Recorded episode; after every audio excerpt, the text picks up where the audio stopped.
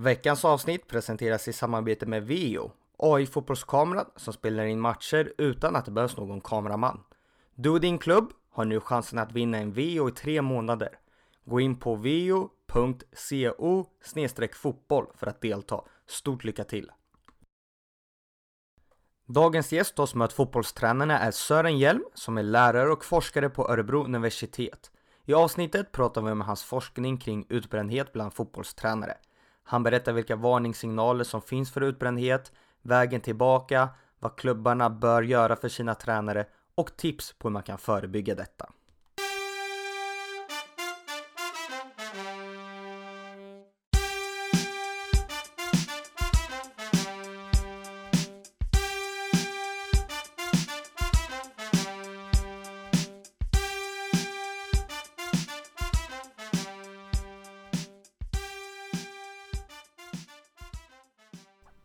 Varmt välkommen Sören Hjelm till Möt fotbollstränarna. Mm, tack så mycket. Hur står det till? Det är bra. Vi sitter här på universitetet. Vad gör du på universitetet? Jag är lärare och forskar här på universitetet på idrottsavdelningen. Ja, sen är jag programansvarig för en kurs som heter Tränarskap i fotboll. Vad handlar den om? Det är en 30 poängskurs där vi kombinerar eh, Svenska fotbollsförbundets eh, traditionella Eh, diplomutbildningar med eh, en eh, fördjupningskurs inom, inom idrott helt enkelt med inriktning mot fotboll. Vad tror du ger att man kan få förbundets diplom men även fördjupa sig inom en del ämnen? Ja, men jag tror att det för många har det varit en, en, en morot att söka kursen. Att man inte bara får diplomet, man får någonting mer. Man får poäng. Det är poängsatt helt enkelt. Och några av våra, våra studenter är ju studenter på universitetet och tar det här som en del av sin utbildning som, till, som tränarutbildare eller som sportmanagement.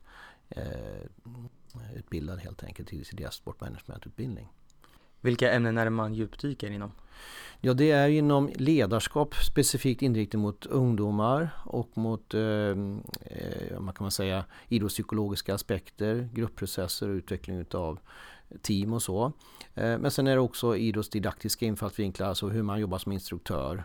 Och sen är det inom idrottsfysiologi. Och hur länge har den här utbildningen funnits? Ja, den här är ju nu precis startat andra omgången, så vi har haft en kurs bakom oss. Om man vill gå den så får man vänta till nästa Till nästa vår ja. Den start, de söks i, i, i 15 oktober och då börjar kursen ja, i slutet på januari 2021. Då. Tidigare så har du drivit en annan fotbollsutbildning här på universitetet. Mm. Hur såg den ut då? Ja, då var det en tvåårig eh, yrkeshögskoleutbildning. Där vi kombinerade 40 eller ett år idrottskurser eh, och ett år i fotboll. Och, och det var en kurs som då riktades till, det var den första akademiska utbildningen som vi genomförde för, för, för fotbollstränare. Och då nådde man provnivå. Det gör man ju inte i den här utbildningen. Här kommer man till Uefa B. Så här är det Uefa A och så provutbildningen kvar. På den utbildningen så läste man ett helt år i fotboll och då kunde man nå den nivån. Det var Håkan Eriksson som var nuvarande förbundskapten i ja, Indien? I, nej, Färöarna va? Ja, stämmer bra. Ja, och han, eh, han var, eh, var utbildare då. Så jag lärde känna honom väldigt mycket då. Och bland annat Tony Gustafsson och några andra gick den. Mm, Tony är väl den mest kända där ja. Mm. Hur kommer det sig att det inte finns fler sådana här akademiska utbildningar runt om i Sverige? Och det finns faktiskt det, men de är lite få nu därför att de har lagts ner. Det har blivit så att eh, antalet studenter som söker har minskat. Eh, och det är ofta så att man tar de här studenterna i omgivningen där man har sin närområde. Och Göteborg har haft det, Halmstad har haft det, Stockholm har kvar och Gävle har kvar och vi har tillkommit. Eh, så oftast är det så att alltså Stockholm har så stort utrymme, alltså stort antal möjliga som söker så där är det alltid en kurs som startar. Men Gävle har ont om studenter som går kursen. Och Göteborg tror jag de fick lägga ner på grund av också för få, likadant till Halmstad. Vi kör igång med faktarutan. Ålder? Jag är 63 år, uh, mitt 63 år fyller 63 i april. Familj? Ja, uh, gift med min uh, kvinna sedan 30, äh, till 40 år tillbaka i tiden och uh, har också två döttrar. Bor? I Eklunda, Sörby, Örebro. Vid Eira, gamla Eiravallen, Bern Arena. Favoritlag? Faktiskt är det ÖSK. Förebild? Förebild är, eh, du tänker förebild som tränare? Kan vara både i livet och inom ja, fotbollen. men Tord, är ju, Tord Grip är ju en förebild. Han var också min mentor i min utbildning. Naturgräs eller konstgräs? Ja, men jag är nog na- naturmänniska. Favoritsyssla utanför fotbollen? Jag tycker det är kul med fastigheter så jag tycker det är jättekul att och, eh, renovera eller kanske inte renovera, kanske skapa förutsättningar för renovering. Så det har jag gjort ganska mycket. Och sen sälja vidare? Ja, inte sälja så mycket, behålla dem. Nej men faktiskt, eh, jag tycker det är kul att hålla på med fastigheter så det är roligt. Sen är jag naturmänniska också men det är lite för dåligt med det. Och lite träning också på min fritid.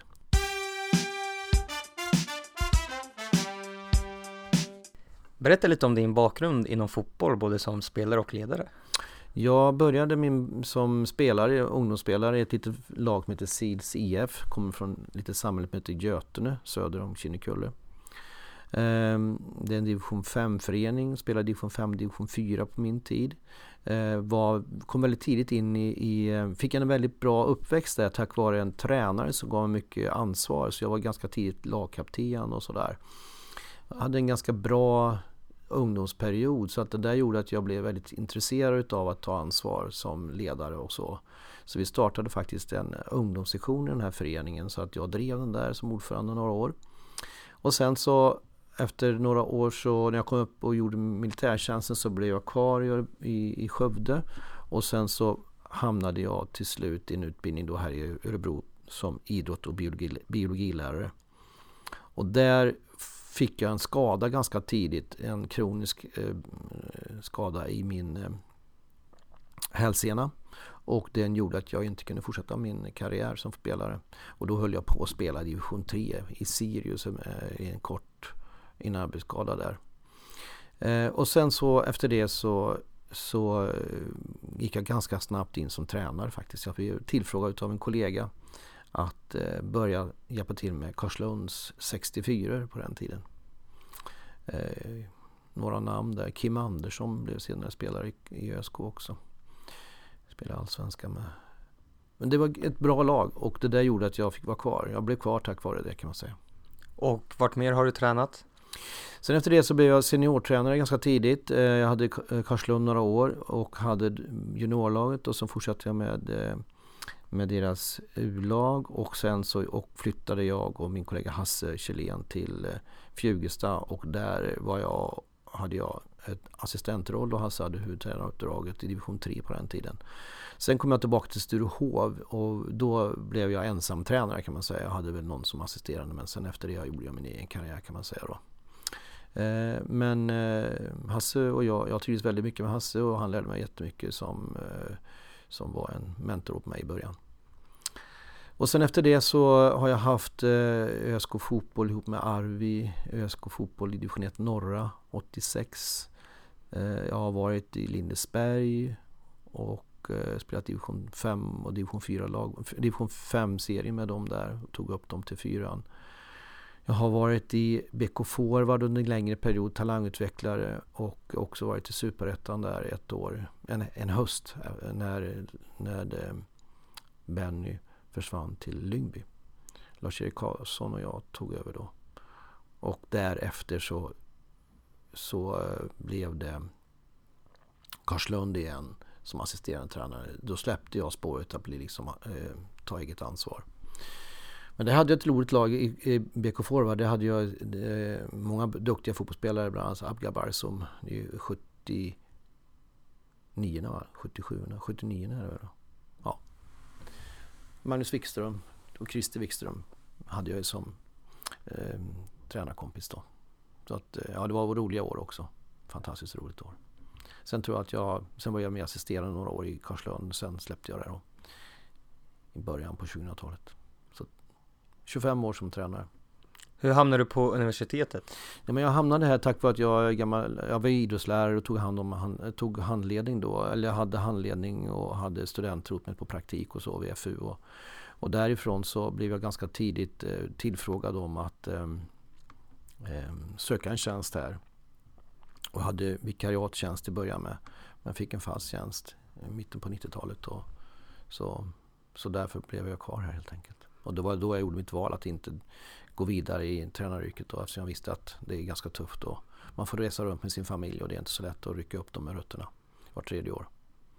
Och du har gjort en studie som handlar om utbrändhet bland elittränare. Mm. Och hur väcktes tankarna på att göra den här? Ja men det handlade ju om att jag blev intresserad av det tack vare att jag jobbade med Svenska Olympiska Kommittén.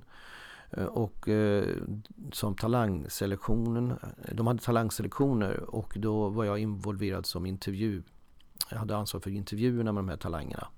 Och då i samband med det så hade de Sydney-OS och då konstaterade de i utvärderingen att de aktiva kunde ganska mycket om att hantera sin egen stress. Medan eh, tränarna faktiskt påverkade de aktiva till att bli stressade. Så de hade glömt bort att ge, dem, eller ge tränarna ordentligt med kunskaper om eh, stresshantering och så.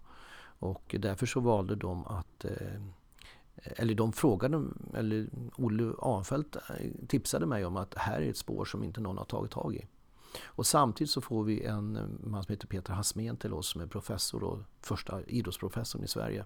Han blev anställd här i Örebro början på 2000-talet och han, han tyckte att jag absolut skulle titta på det här med utmattning och utbrändhet bland, bland tränare. För att då var det en kollega till mig som heter Henrik Gustafsson, finns i Karlstad. Han forskade på de aktiva och tittade på hur det var på idrottsgymnasierna och gjorde en studie på dem, hur de, om det fanns, om det förekom utmattning och eh, orsak och verkan och så.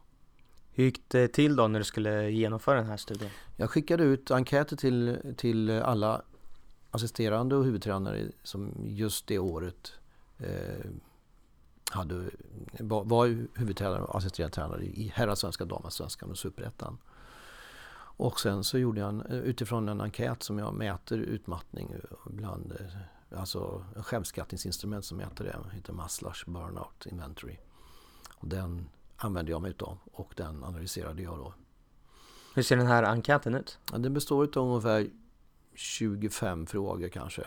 Och de där 25 frågorna består av egentligen tre olika områden som man skattar sig i. Och det är fysisk och psykisk utmattning, trötthet som finns, liksom, som är bestående, som inte liksom går över. Det andra är att man uppfattar sig sy, sy, man, har, man är väldigt cynisk, det vill säga att man tycker att eh, man lägger skulden ifrån sig och man eh, lägger eh, man, försöker, man, man, tycker inte det som man gjort tidigare varit så roligt. Man, tränaryrket är inte lika spännande. Alltså det blir lite belastande, hårt belastande och man blir cynisk. Man lägger skulden på spelare och, och styrelsen och sådär. Eh, och eh, det tredje är att man uppfattar att man har en lägre prestationsförmåga. Att man presterar mycket sämre. Man har svårare att komma ihåg, man har svårare att eh, koncentrera sig. Så att den kognitiva förmågan har försämrats. Så det här är alltså varningssignalerna för att man är eller är på väg att bli utbränd? Ja, absolut. Är det någonting som man kan gå in i sig själv och se eller måste man verkligen få det svart på vitt? Alltså man kan ju i princip säga så att man skulle kunna skatta sig själv på det här eh, skattningsinstrumentet då, det kan man göra. Och då når man kanske, då, då, kan man, då, kan man, då kan man hamna att man skattar sig högt på, på fysisk och psykisk utmattning på skalan då och likadant på cynismen och lågt på kognitiva förmågan. Och gör man det då finns det stor risk för utmattning. Men det säger ju inte att man blir utmattad, att man har gått i väggen. I min studie så fanns det ungefär 20% som visade hög risk. De hade liksom höga värden på de två första och lite, sämre, lite lägre beläggning på kognitiva förmågan. Men det var ju inte 20% som hade gått i väggen och blivit utmattade och blivit sjukskrivna. Det var bara en som hade blivit det. Hur ser den här vägen ut då från att man är i normalt tillstånd till att man går in i väggen? Ett ganska vanligt eh, symptom som man märker det är, att, det är att man är väldigt speedad. Man har väldigt svårt att gå ner i varv. Så man är väldigt på hela tiden. Och att man är lätt irriterad. Det brukar vara väldigt bra goda tecken på, eller inga goda tecken utan tecken som visar på att man, har, man är högt belastad. Eh, och de två brukar man över tid förvärra hela tiden. Och till slut så känner man att man inte har blivit, att man har blivit någon annan. Jag, har, jag blir arg på alla minsta saker och irriterad på små saker eh, som jag borde klara av att hantera. Men också tröttheten förstås, den är väldigt, väldigt viktig. På vilken nivå var det tränare som var utbrända eller riskerade det? Jag kunde hitta att det var på, här, på damallsvensk nivå. Där hade man eh, risk, 20% risk där och så likadant på, på, på superettan. Men inte någon i herrasvenskan. Varför tror du det är så? Ja, men jag tror att det handlade om resurser. Eller jag vet att det handlar om resurser. Damallsvenskan och superettan fanns inte så mycket resurser så man hade en hög arbetsbelastning helt enkelt och man jobbade oftast med två jobb. Man hade inte råd att ha en heltidsanställd tränare. Så man, man behövde jobba med ett annat jobb på halvfart eller också heltid nästan. Eh, så det gjorde det också. Så att när min, avhand, eller min artikel kom ut så valde Svenska fotbollsförbundet att helt enkelt kräva att damallsvenska tränare skulle ha en heltidsanställning. Eh, så det innebar att de gjorde den, det, det la de in i sin ja, kravbild helt enkelt till föreningarna.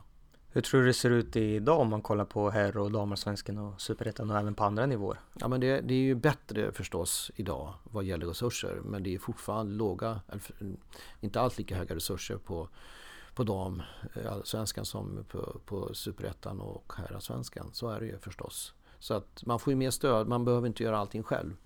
Däremot kanske mm, man kan prata om, om krav på sig själv eller krav från omgivningen.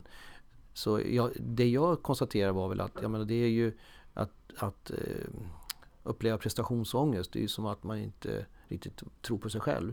Oftast kommer det ju inifrån också. Alltså det är inte säkert att en ökad krav utifrån skulle vara en ökad belastning. Det kan snarare vara att personen själv upplever att man måste belasta, alltså hög, arbets, alltså hög ångest för, för att prestera. Och den kommer oftast inifrån. Så det behöver inte vara så att det kommer från en högre kravbild utifrån. Det, det kan inte jag konstatera i alla fall. Om en tränare är utbränd, hur ser vägen tillbaka ut för att bli frisk igen? Ja, den är ju ganska utmanande. Om man går till väggen så, så krävs, krävs det oftast ett lång, en lång konvalescens faktiskt. Eh, så att här handlar det om att, eh, att sjuk, bli sjukskriven och, och att eh, göra, eh, alltså till att man får en bra eh, återhämtning och hjälp på vägen att få verktyg för att klara av att hantera den stress som man har utsatts för. Så är det. Och det är inte alltid säkert. Och i min studie visar det verkligen det. Att det är inte alls så säkert att, någon, att de som upplever den höga utmaningen kommer tillbaka till elitidrotten. Ehm, det är bara, de väljer andra saker. De väljer att gå ner och kanske jobba med talangutveckling eller andra eh, områden inom fotbollen kanske. Eller också slutar man helt. Vad kan och tycker du att klubbarna bör göra för att sina tränare ska undvika att bli utbrända? Ja, men de måste tänka på att de måste ge stöd. För det visar att tidigare forskning kring det här visar att unga tränare har större risk att bli utmattade. Eh, så man måste ge stöd till den här nya eh, tränaren som kommer in. Rutinerade erfarna tränare måste också eh, få stöd från, från ledningen och de är arbetsgivare som alla andra. Man får inte glömma bort det. De blir lite ensamma i, sitt, sitt, i sin yrkesroll, säger många tränare. Och där gäller det verkligen att, att föreningen tar ett lika stort ansvar som man skulle vara arbetsgivare i vilket, vilket fack som helst inom yrkeslivet. Hur tror du det ser ut för tränare som är på lägre nivåer, kanske division 2 eller ännu lägre eller föräldratränare? Ja men det är ju så att belastningen är ju extremt hög. Menar, när jag var eh, deltidstränare som jag hade på den tiden, hade exempelvis Fjugesta i division 3, så då vet jag, då åkte jag och Hasse till jobbet och var i skolan. Klockan åkte hemifrån klockan sju, var i Kumla och jobbade fram till klockan fyra. Åkte direkt till Fjugesta och så, så, så var det liksom att hitta, man käkade sin, sin låda och hade med sig kanske och sen så hade man träning kanske runt halv sex, fem, halv sex.